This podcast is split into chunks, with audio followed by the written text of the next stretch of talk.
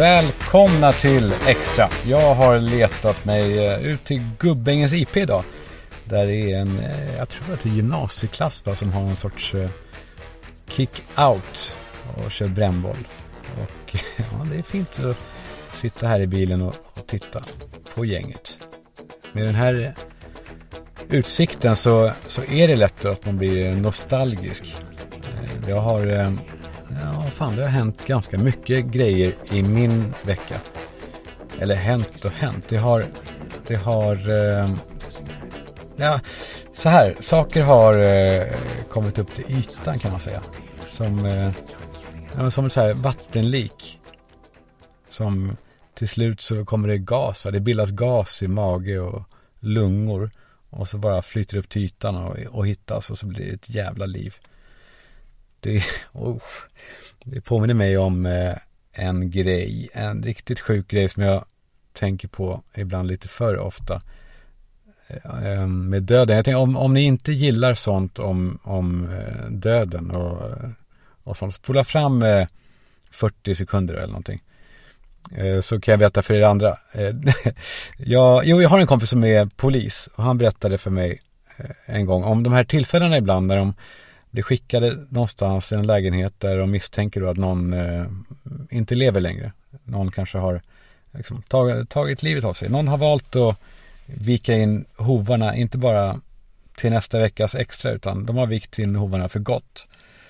Och eh, ja, min kompis stöter på allt möjligt på sådana här eh, besök som, eh, ja, vi ska inte gå in på allt, men, men en av de första gångerna eh, så var det en kille som hade hängt sig i slipsen i handdukstorken. Alltså mot väggen.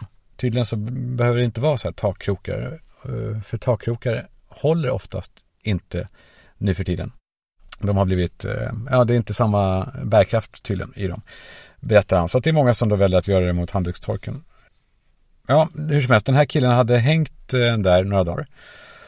Och den här mer rutinerade polisen sa då till min nya eh, polisaspirant, eh, eller han hade just blivit polis, att, att okej okay, nu är det din tur, nu får du ta ner honom därifrån. Och eh, min kompis, eh, sorry hörni, nu har det gått 45 sekunder, ni får spola lite till om ni håller på. Eh, eh, ja, så min kompis eh, liksom ställde sig liksom runt honom som i en kram typ och, och så böjde han sig uppåt och skulle skära bort slipsen med en vass kniv. För man skulle inte knyta upp den. För det måste poliserna kolla sen att den är, att den är antagligen är knuten av, av honom själv då. Man ska se till att det inte kanske är mord och så. Eh, ja, ni fattar. Ja, så skär han av den där slipsen och med mannen då runt sig som en kram och då släpper tydligen ett någon sorts övertryck som har bildats i lungorna under de här dagarna och så går, de, går det här övertrycket mot stämbanden. Och då blir det som att den här döingen stönar. Så här, han, han beskrev så här. Uh.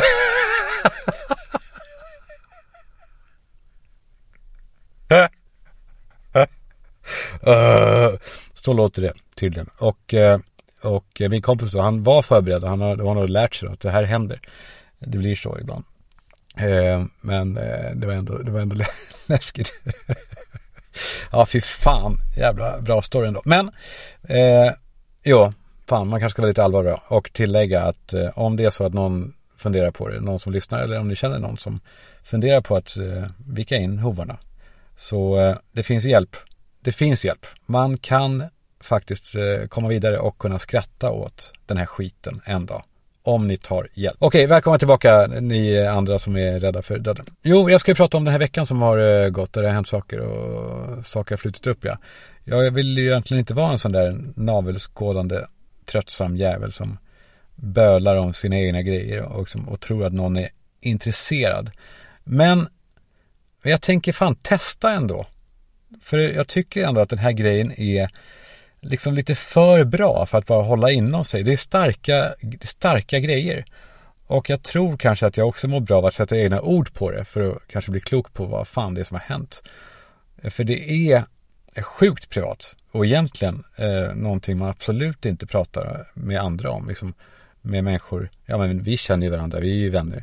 Men liksom att man kanske håller det kanske ännu närmare krets. Eh, men, eh, nej, men sen är det ju så när jag tänker på det, i, i mitt liv så är ju ingenting liksom heligt av det som jag, eh, mina kontakter utåt. Ingen, allting är ju redan typ utfläkt. Liksom, jag har ju saker kvar kanske i mig.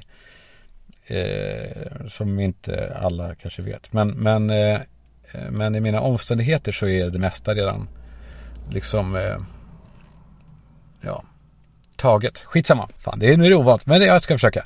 Eh, för det är lite eh, blödande.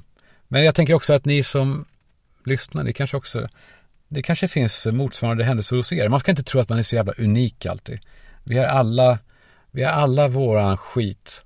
Och så finns det då vissa som pratar öppet om det. Som jag inte brukar göra, men nu, nu, nu gör jag det. Okej, vi har ett torp i Värmland som är, eh, eh, ja, det är en jävla viktig plats. För, för mig så är det den enda platsen överhuvudtaget som jag har haft som är liksom fast.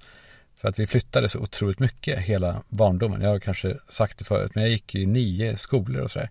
Vi flyttade hela tiden. Eh, men det här torpet var liksom, ja men det var, det var som ett ankare. Det var samma sak år efter år. Hur mycket vi än flyttade och, och så. Det var viktigt för mig. Det är inget eh, flott torp. Alltså det är verkligen ett torp av allra enklaste sort. Alltså om man tänker sig bilden av ett torp så är det, det är så det ser ut. Eh, men, men för mig är det så jävla fullt av eh, kärnminnen. Får man använda det ordet? Från insidan ut idag. Men, men för mig är det verkligen det. Det är sprängfullt av, av eh, viktiga minnen. För att jag har inga minnen från ställen vi har bott på. Utan alla mina liksom viktiga, viktiga minnen, de kommer från torpet. För ja, tio veckor varje sommar under, ja, men, eh, från att jag var tre, under hela min skolgång. Alltså så många, så många timmar av att vara där som är isolerat, mitt ute i skogen, mitt i ingenstans. Alltså det är verkligen eh, eh 90-väg som blir 70-väg som blir 50-väg och sen grusväg med fri fart som pappa körde i 80 på och sen svänger man av den grusvägen till en skogsväg. Och eh, ja, ingen hittar dit. Man är, man är själv där. Och man är själv där med sina, ja men med sig, man är, man är, man är själv där med sig själv på något sätt. Med tankarna man tänker och de här små, små sakerna när man är, när man är barn. Att sitta på huk med en pinne och pricka på en sten och inte ha tråkigt. Och, och se en myra och följa efter den mot, mot stacken. Och så på vägen så ser man en citronfjäril. Och så följer man efter den lite grann och så hittar man en glasbit som har blivit matt och frostad för att den har legat ute så länge. Och, och den ska man visa pappa. Och så på vägen eh, tillbaka mot pappa så kollar man om det har kommit blåbär kanske. Och så har det det. Och så sitter man på huk igen och plockar blåbär. Och det börjar lukta tegul och, och grillen tänds. Och så går man på stigen som, som bara jag vet om. För det, är bara, för det är fan jag som har gjort den stigen. Och på den stigen så ligger det en käke från något djur. Jag vet, inte vad, jag vet fortfarande inte vad det är för djur. En räv kanske. Jag försökte ta upp den där käken. Men gräset hade växt fast i, i den liksom genom, genom tänderna som tandtråd. Och man glömde den där glasbiten vid blåbären, men det gör ingenting. Och, eh, och man har inte tråkigt, man bara, man bara är. Det kan låta platt och, och så, men det var viktigt ändå. Eller så är man där när man är 16 år och det moler i magen av sak, nej inte saknad, alltså kanske oro över att ens tjej är kvar hemma där man bor och att hon går på de där festerna och badar med, med andra. Man undrar vilka hon badar med. Och man undrar varför hon inte svarar. Och ändå så, ja man känner att man vill längta hem, men, men, men man trivs ändå i smyg och så går man och minns alla de här detaljerna från alla år där på torpet. De här urklippen på Vendela Kirsebom i blå glansig baddräkt som jag rev ut en gång när jag var kanske 12. Och den här bilden på Anna Nicole Smith, Smith, Smith i jättestora trosor. Som ligger under den här plankan vid båthuset. Och som har legat där i tre år nu. Och det ligger fortfarande kvar och man kan fortfarande se dem på bilden. Allt det här finns i torpet. Och en, eh, ja, alltså det blir som en, eh, det som finns där är som en känslomässig, ni vet sån här, eh, när de tar bilder varje år på någon när de ska visa eh, hur, hur ens dotter växer typ. Fast man, här tar man bilder då en gång per sommar på en familj som är lycklig och sen kanske lite mindre lycklig och sen kanske den är upplöst. Men eh, ja, skit i det. Pappa dog och mamma dog. Och torpet blev liksom, eh, formellt så ägde alla vi tre bröder torpet. Men det var ändå min äldsta brorsa Nicke som var där mest redan från början. Även de sista åren när bara mamma levde. Han fick ju barn först av oss tre och eh, ja men det blev så. Det blev liksom han som, som tog över ratten. Och jag har väl åkt dit kanske liksom någon gång per år sådär. Och Alex har väl knappt varit där alls.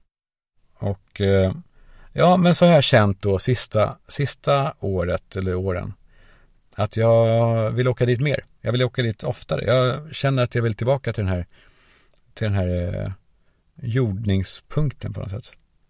Men det har då inte gått för att Nicke har varit där eh, varje gång. Och det är faktiskt rimligt att han har eh, liksom, lite första king på det. För det är han som håller det här stället stående och igång och, och så. Och han har också tagit liksom driftskostnaderna, el och sådär. Så det är inte ett krig jag eh, nu startar här alltså. Där jag ska, ja, ja, jag vill bara prata ut om det.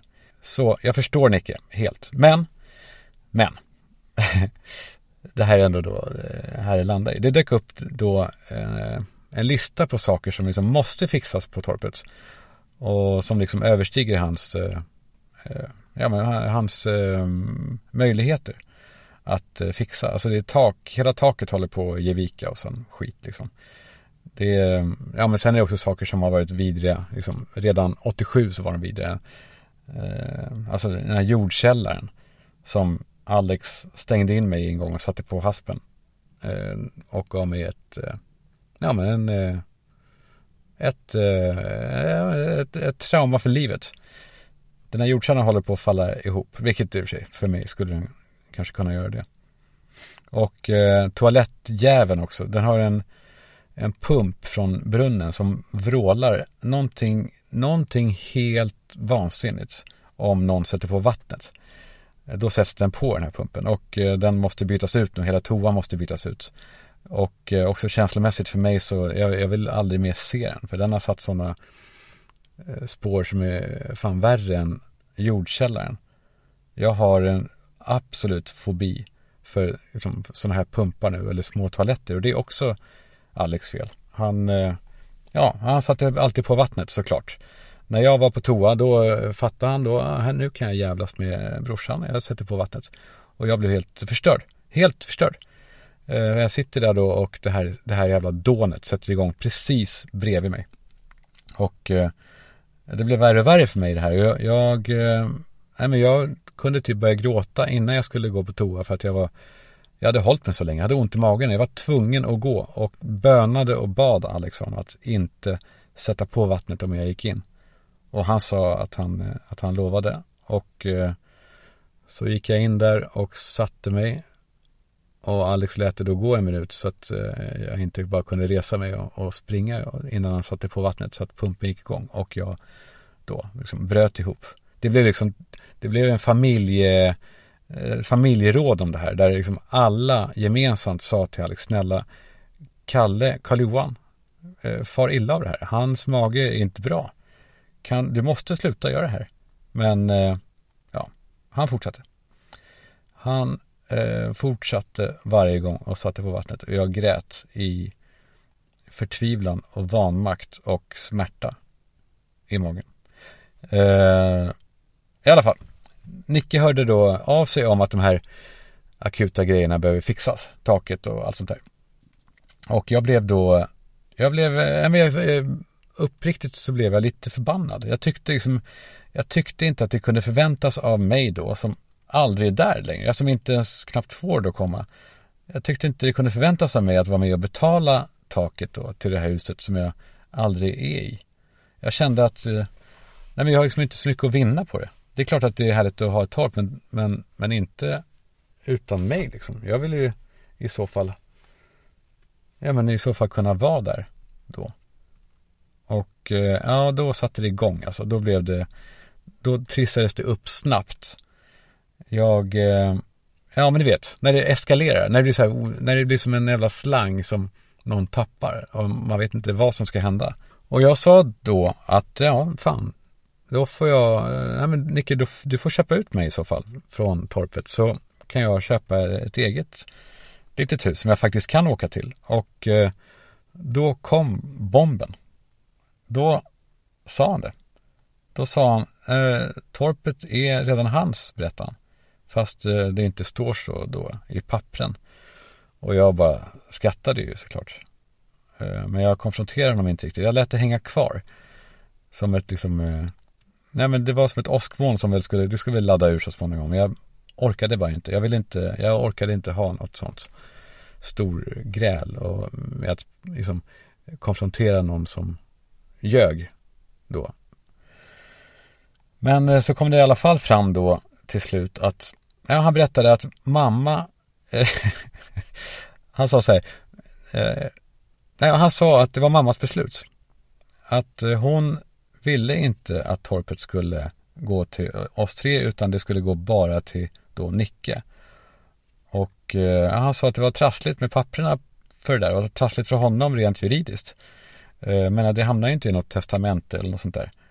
Och jag var då, jag då blev jag häpen eh, av en så liksom jävla hutlös lögn, tyckte jag. Eh, det dessutom är det väl också olagligt. Man kan väl inte göra någon arvslös hur som helst på, liksom, på även om hon, hon hade velat det. För det var inte så att det direkt eh, sprutade pengar från, från bo, bo, bouppteckningen, eller vad det heter. Dödsbot. Dödsbo, vilket ord.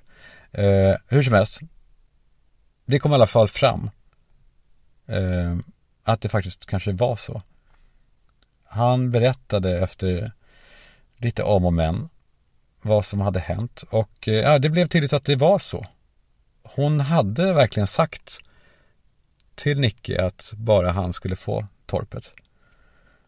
Och eh, det förändrar en del. Då vill man då veta varför. Ja, varför? Varför? Vad har jag gjort för fel då? Jo, anledningen till att jag då skulle göras arvslös, det var så här. Det var, det här, fan, det här är, ja, okej. Okay. Eh, det var på den tiden. Min pappa började bli väldigt, väldigt gammal. Och mamma hade sina, liksom, sina, ja, sina utmaningar. Och jag var typ 22. Och det var bara jag som var liksom spelbar av oss bröder då. Nicke och Alex, eh, de levde sina liv och de hade liksom, eh, de var vuxna på ett annat sätt. Och jag var fortfarande ung och liksom på många sätt ja, men medberoende fortfarande. Jag, jag, eh, jag hade ju varit med dem hela tiden. Från att jag var 14 så var jag ju själv med dem när allting verkligen blev jobbigt.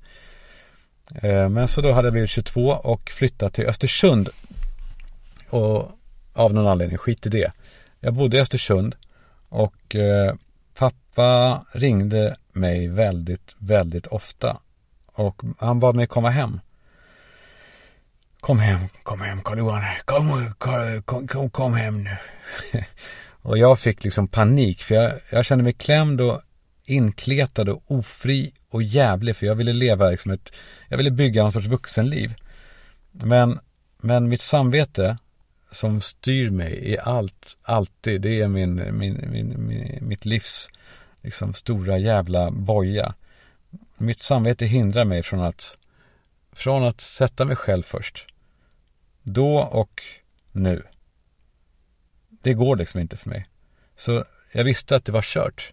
Jag var tvungen att ge mig. Jag var tvungen att offra mig för, för, han, för honom liksom. Och jag minns de här samtalen när jag försökte säga nej och han bönade och jag grät. Och jag sa, pappa jag måste, jag måste få leva lite nu. Jag måste få leva lite vanligt också. För det, ja det sa jag väl inte, men jag hade ju levt väldigt icke-vanligt. Fram till dess liksom. Och gjort mer än man kanske kan räkna med av en, av en son. Och jag sa också när han fortsatte att böna och be att då sa jag att jag har inte, men jag har inte heller råd. Jag kan liksom, jag kan inte ens jobba när, jag, när, när du gör så här. Jag kan inte, jag kan inte jobba och få lön så att jag ens har råd att åka hem. Men han bara grät ännu mer och sa Kom hem nu till din gamle far. Kom hem till din gamle... Fast han, han sa liksom, han vädjade. Det lät, det där lät uppfordrande. Han sa mer så här. Kom hem till din gamle far. Karl Johan. Kom hem. Och eh, ja, fy fan, han grät och ja, jag försökte säga nej och han sa jag, jag betalar biljetten Karl Johan. Ja, då fanns det liksom ingenting kvar. Jag hade inga argument kvar. För han sket ju i att jag försökte bygga ett liv liksom. Ehm, så jag åkte hem. Och det gjorde jag många gånger. Jag åkte hem kanske ja, men 20 gånger på ett år eller något. På hans liksom, beställning, på hans, under hans ja, men, tvång. Måste jag säga ändå. Även om jag gärna skulle säga att jag gjorde det av egen vilja för att hjälpa och för att jag är så jävla god. Jag var inte god. Jag var tvingad. Jag var tvingad att vara god. Så kan man säga. Och eh, ja, det var fan inte kul alltså. Men jag gjorde det. För att jag var tvingad och för att jag inte hade samvete att inte hjälpa pappa och mamma. Ja, sen dog pappa ju och mamma gick igenom eh, räkenskaperna som man gör. Och då såg hon då alla de här flygbiljetterna och resorna som pappa hade köpt till mig. Och i samband med det då så ska hon ha sagt till Nicke, eller så sa hon till Nicke, för Nicke hade aldrig fått veta det här annars. Han visst hade ingen aning om att jag åkte hem på det sättet. Då hade de berättat för Nicke att, att det här var då, det kunde betraktas som, som min del Eh, av torpet. Som eh, ett förskottsarv då, det hade jag fått genom att eh, åka hem. Alex och sin sida hade också gjort ett stort eh, då, eh, fel enligt mamma och eh, hade förverkat sin del av torpet. Så, så Nicke skulle få det. Men skit i det. Jag tänker nu egentligen bara på mig, på mig, på mig då. Eh, att jag då, att, att det kommer fram nu att jag ska, att jag skulle få betala för att jag offrade hela mitt normala liv för mamma och pappa. Att jag skulle få betala med det, alltså med det enda som faktiskt haft någon, någon riktigt bra betydelse i livet. Att jag skulle, att jag skulle få kvitta de här fasansfulla jävla tvångsresorna med mitt liksom, delägande i torpet. Det var för sjukt. Och hon sa ingenting heller. Ja, vilken jävla grej va? Ändå. jag, eh, nej men det är väl grejen nu då när jag sitter här i gubbängen och tittar på, eh, på killarna och tjejerna. Att jag undrar vad jag ska känna egentligen. Men jag kommer inte på någonting bra. Jag vet inte vad jag ska känna.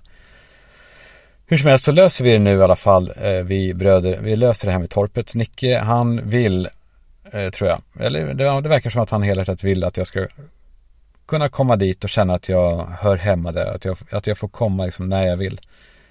Men för mig, jag bara tänker hur, hur, hur skulle jag kunna känna mig hemma där? Och mamma sa som hon sa. Alltså nu är det inte längre torpet. Nu är det, eh, nu är det bara ett torp. Nu är det bara ett torp. Ja, jag vet det fan. Va? Vad ska jag... Kom gärna till mig och, eh, ja men eh, ge mig någonting att tänka på runt det här, hur jag ska förhålla mig, för jag tycker det här är svårt. Jag, eh, apropå det här, så såg jag ett klipp med syskon som jag tycker är väldigt, eh, Ja, men som är, syskon alltså. Fan, det ska jag kanske grotta ner mig i. För det finns väl någonting jävligt starkt i syskon. Och i den dynamiken. Och hur den var, vem som var äldst och vilka roller man hade. Och hur den är i vuxen ålder. Och hur mycket som sitter kvar från det gamla. Hur mycket som sitter kvar nu. Eh, det är ett klipp som ändå är roligt som på något sätt slår an någonting i mig apropå det här med torpet eller med mamma och pappa. Eh, vi kan lyssna på det bara. Som en, eh, som en liten, att slu, vi slutar lite ämnet i dur med det tycker jag. Please, Please have have the the red. red. Say it slowly like that. Kylie, can I have the red? You have to put a please in there. Please, Can I have a red? yeah, please, can I have the red? No, you may not. Ja, där har vi det och det är dags för reklam. Eh, Fricke hörde av sig, eh, Fricke som är grundaren av bokadirekt.se, han sa att om du nu ska göra, göra reklam för en så disruptive sak som bokadirekt.se är i skönhetsbranschen så kan du väl vara lite mer disruptive själv? Ja, det kan jag. Här ska ingen komma, eh, ingen ska lära pappa knulla. Eller hur? Så, då tänker jag så här, hur är man disruptive? Jo, eh, man hittar på eh, sätt som sticker ut. Jag kan, om jag, jag kan läsa upp någonting baklänges och spela upp det framlänges. Som direkt här kan Ja, ni ser. Om Jag kan ta det långsamt med ljus röst och så speeda upp. Över 9000 salonger.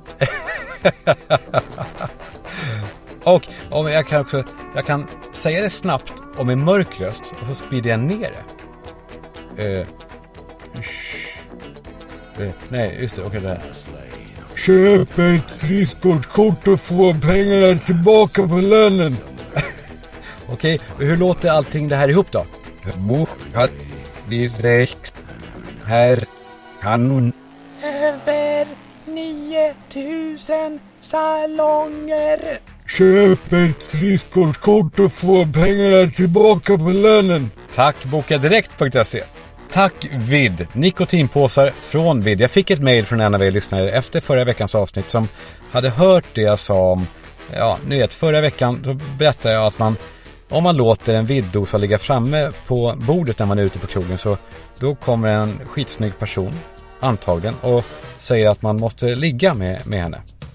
Och eh, om man säger ja, ja, ja, ja, det- ja, det gör vi. Om du, om du måste. Och hon liksom bara tar en och eh, gör det. Och, eh, och den här lyssnaren då undrar nu om det håller rent rättsligt. Att om man är ihop med någon så eh, kan man då skylla på det? Kan man då, är man safe rent juridiskt? Så jag har nu kollat med jurister och de säger att man sitter säkert i en eventuell rättegång men att man starkt avråder människor eh, som är i förhållanden att visa att man är en vildsköning som är över 25 år och vet att nikotin är otroligt beroendeframkallande. Men om du är i ett förhållande, göm dosan för helvete i resten av ditt liv. Tack Vid! Och tack Aimo som ju faktiskt gör att jag kan spela in extra ute på vägarna i Gubbängen idag. För det är en alldeles eh, otrolig frihet att bara, att bara ha bil när man behöver den. Inte hålla på jiddra med parkeringar och försäkringar och, och skit. Utan nej, men så här, när man tänker på det, man, man kan verkligen vända på det. Vi frågar då istället, vem är så puckad att han, oftast en han va, eh, som är så puckad, köper en bil år 2023? På, alltså på riktigt. På, vem, vem, vem gör det? Ta hem IMO-appen, Belasta inte miljön mer än absolut nödvändigt. Allvarligt. Eh, alltså, det är för, jag vet inte. Man vill typ fråga sig, vad är det med dig? Vad är, vad är det med dig? Vad, vad, köpa bil? Nej, ta hem appen. Kör IMO, Hyr och ha bilen bara när du behöver den. Tack IMO! Ja hörni, jag vet inte vad ni känner om det här. Och jag vill inte verka neggig här. Men, men eh, Ja, men vi börjar så här då. Sverige. Va? Vad fint det är. Nu, eh, nu mår man. Det här, det här älskar man. Och ja, men varje år så är ju känslan densamma. Allt är okej nu. Sen, eh, sen egentligen, om man ska vara lite, lite krass, så är det ju inte så att det, att det här egentligen handlar om aktiv njutning. Sanningen är ju egentligen att man tror att det här är njutning, fast det egentligen handlar om att vi inte plågas för tillfället. Alltså på samma sätt som man här, drar en njutningsfylld suck av tillfredsställelse när någon, eh, alltså, nej men jag, jag minns när jag och Alex ibland slogs som barn, eller vi slogs inte, han slogs. Han var ju större och äldre, han var ju tre år äldre och, och, och mycket större. Då slutade det ofta med att han fick ner mig på rygg och så liksom vred han om mig så att jag låg på rygg men hade ändå liksom näsan i golvet åt sidan. Och så började han mata slag mot min axel. Exakt samma ställe, om och om igen. Alltså, vi pratar inte om tio slag, vi pratar på, på riktigt då om, om hundra slag. Och jag skrek av smärta, sluta, sluta och sen till slut så eh, då hände någonting. Jag, eh, ja man tappar efter ett tag känseln. Jag tror att kroppen, den, eh, jag tror att kroppen liksom känner att jaha, men det här är nya verkligheten och den nollar sig på något sätt. Den kalibrerar sig utifrån smärtan och, och säger att den är nollpunkten. Så att man känner inte av hur jävla hårt man blir slagen längre. Och jag minns hur, när det hände varje gång, hur jag kunde börja skratta. Jag kunde liksom börja skratta högt och så, Alex jag känner ingenting. Och så slutade han efter ett tag då, för det var väl kanske inte så kul att slå någon som skrattade bara. Och jag var så lättad och glad då. Alltså, att han slutade slå mig gjorde att jag blev gladare än jag var innan han började slå. Och lite samma sak är det med Sverige och sommaren. Vi upplever att vi är glada när det egentligen bara handlar om att vi, vi tappade känslan av alla slag i februari. Och nu i juni, nu har Sverige tagit en paus med, med slagen. Och vi är, vi är glada. Vi är, glada, vi är glada nu. Men ändå så är det någonting som är annorlunda i år. Jag vet inte om det bara är jag. Nej, jag vet att det inte bara, jag vet att det inte bara är jag som känner så här. För varje år vid den här tiden så då brukar man liksom förlåta allt som har skett sedan oktober. Och man kan liksom till och med, som en, som en misshandlad fru, jag ska inte relativisera det, men man, man kan ändå vara så, så krossad att man nästan ser fram emot hösten och vintern. För, för att man kan den världen, man är liksom nästan trygg i att ha det dåligt. Men i år har det hänt någonting. Den här känslan av förlåtelse, den kommer inte till mig som den brukar göra. För det brukar vara så för mig i alla fall att några dagar i slutet av vintern så är man så jävla arg och nedslagen och tänker inte ett år till i det här. Och den känslan brukar liksom försvinna. Men i år är den kvar. Till och med nu när Sverige inte slår oss längre så är den där känslan av att någonting har gått sönder. Sverige står nu och säger förlåt och han har gjort god middag och vi ska mysa ikväll kanske och, och han skäms över det han gjorde kanske men eh, nej men för mig, det går inte längre. Jag, jag eh, hör vad han säger men, men det har gått sönder. Det känns som att eh, det känns som ett förhållande som har varit destruktivt länge och som nu är, det, nu är det över. Hur bra det än liksom, kan verka vara för tillfället. Det är över. Vi sover inte i samma säng längre, jag och Sverige. Jag har börjat packa saker i smyg i en väska som jag har köpt som man inte ens vet om. Jag köper flygbiljetter i en dator på ett bibliotek för att han inte ska märka det. Och i oktober, en natt i oktober, när Sverige har börjat slå men däckat av spriten. Då kanske vi tillsammans ska vi lämna honom. Ja, det har ju varit ett jävla snack om eh, studenternas flaggor i år. Jag, jag, eh, jag känner att jag vajar nog lika mycket som flaggorna själva. Ena sidan av mig tycker att, nej men det är väl klart, de kan väl tacka Sverige lite grann för fan. Det är skattebetalarna som, som eh, har bjudit dem på den här skolgången. Eh, det är väl, det är väl inte så jävla mycket begärt att hålla upp en svensk flagga också då. Och en annan del av mig blir så jävla fnissig av flaggor i stort. Att det, alltså att det kan vara så laddat. Eh, alltså en teckning på tyg. Jag har, jag har respekt för att vissa kan bli arga när en flagga eldas upp och sånt där. Men när jag ser så här galna araber som bränner den svenska flaggan, jag, blir, jag blir bara fnissig då. De står där och bränner tyget och trampar på en flagga. Vad ska jag känna? Jag skiter väl, jag skiter väl i det. Skulle man, vem, vem blir kränkt? Lite samma sak är det ju i trafiken. Med liksom så här symboler som blir liksom superladdade. I, I Sverige så använder vi ju, ja men i utlandet använder man ofta tutan som en eh, sorts signal för att avvärja fara. Eh, för att säga, ja, här kommer jag. I Sverige, här är tutan en, liksom en bestraffning som kommer efter ett misstag. Det, det är jävligt speciellt.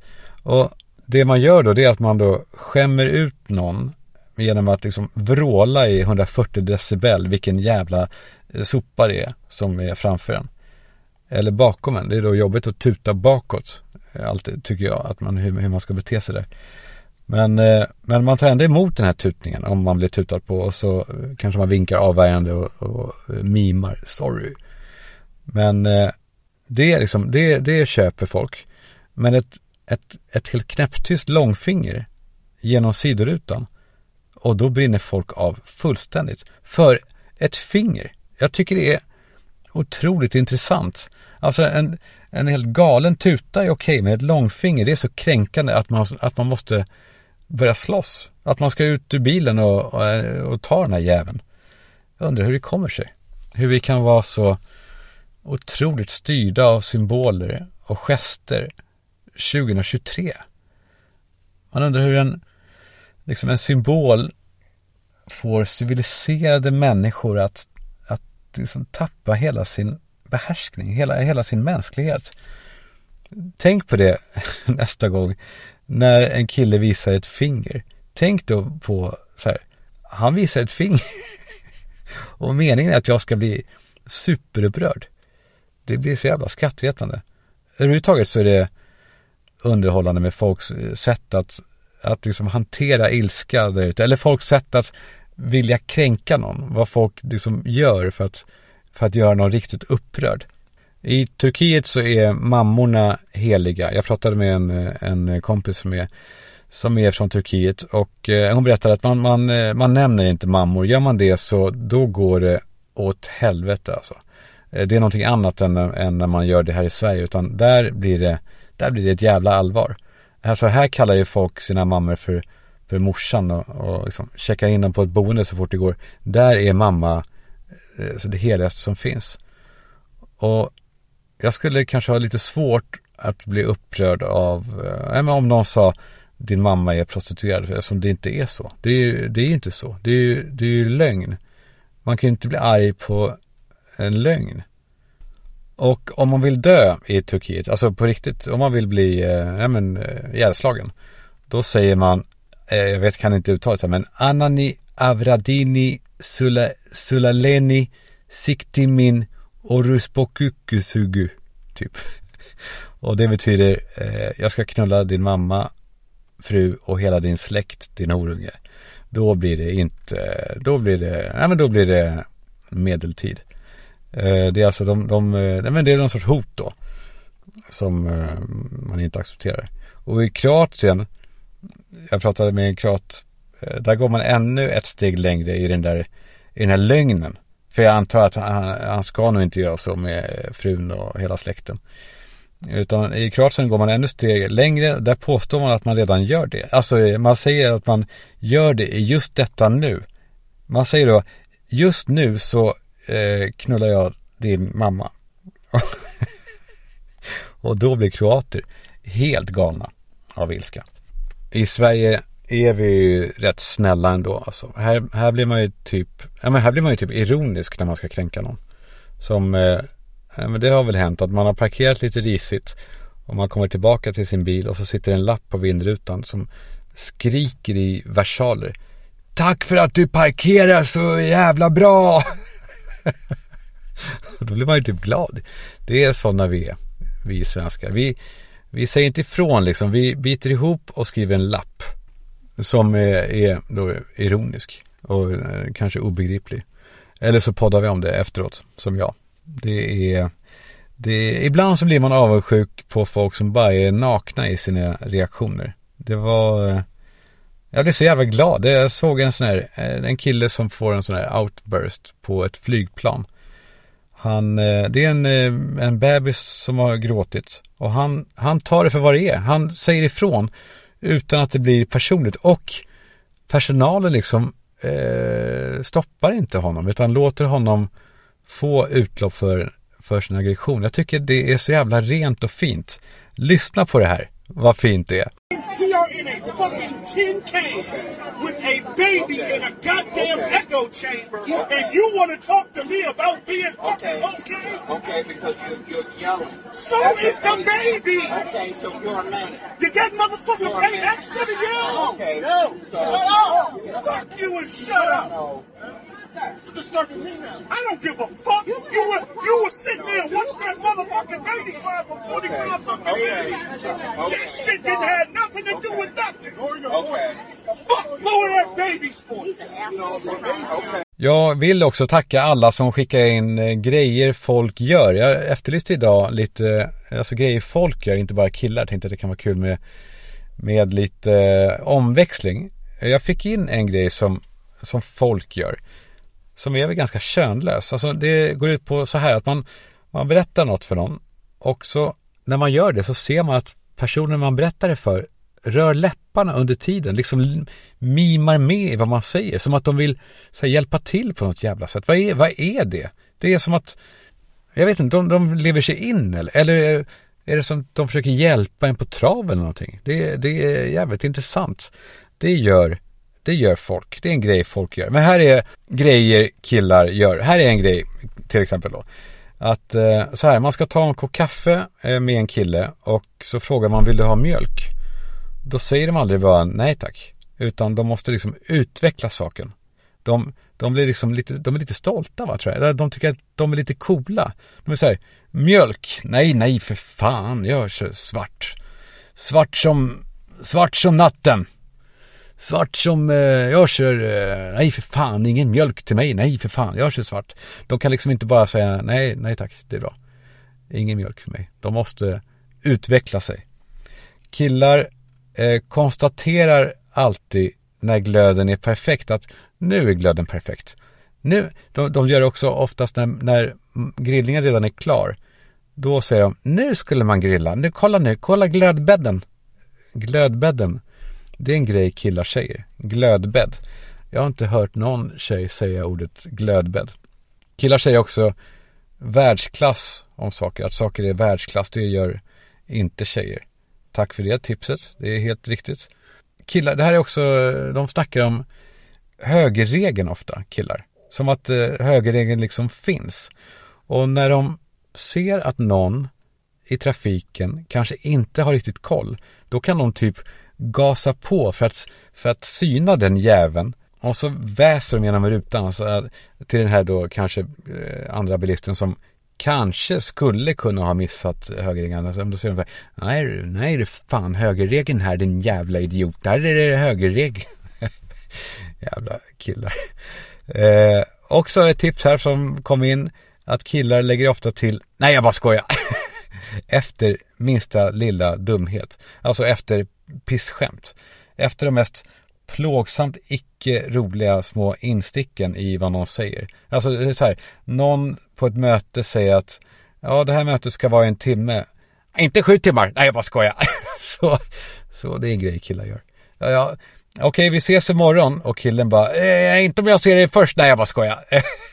Den här listan fortsätter. skicka in DM med grejer killar gör så, så tar vi det här ända in i, i väggen. Nu är det dags att eh, vika in hovarna för den här dagen.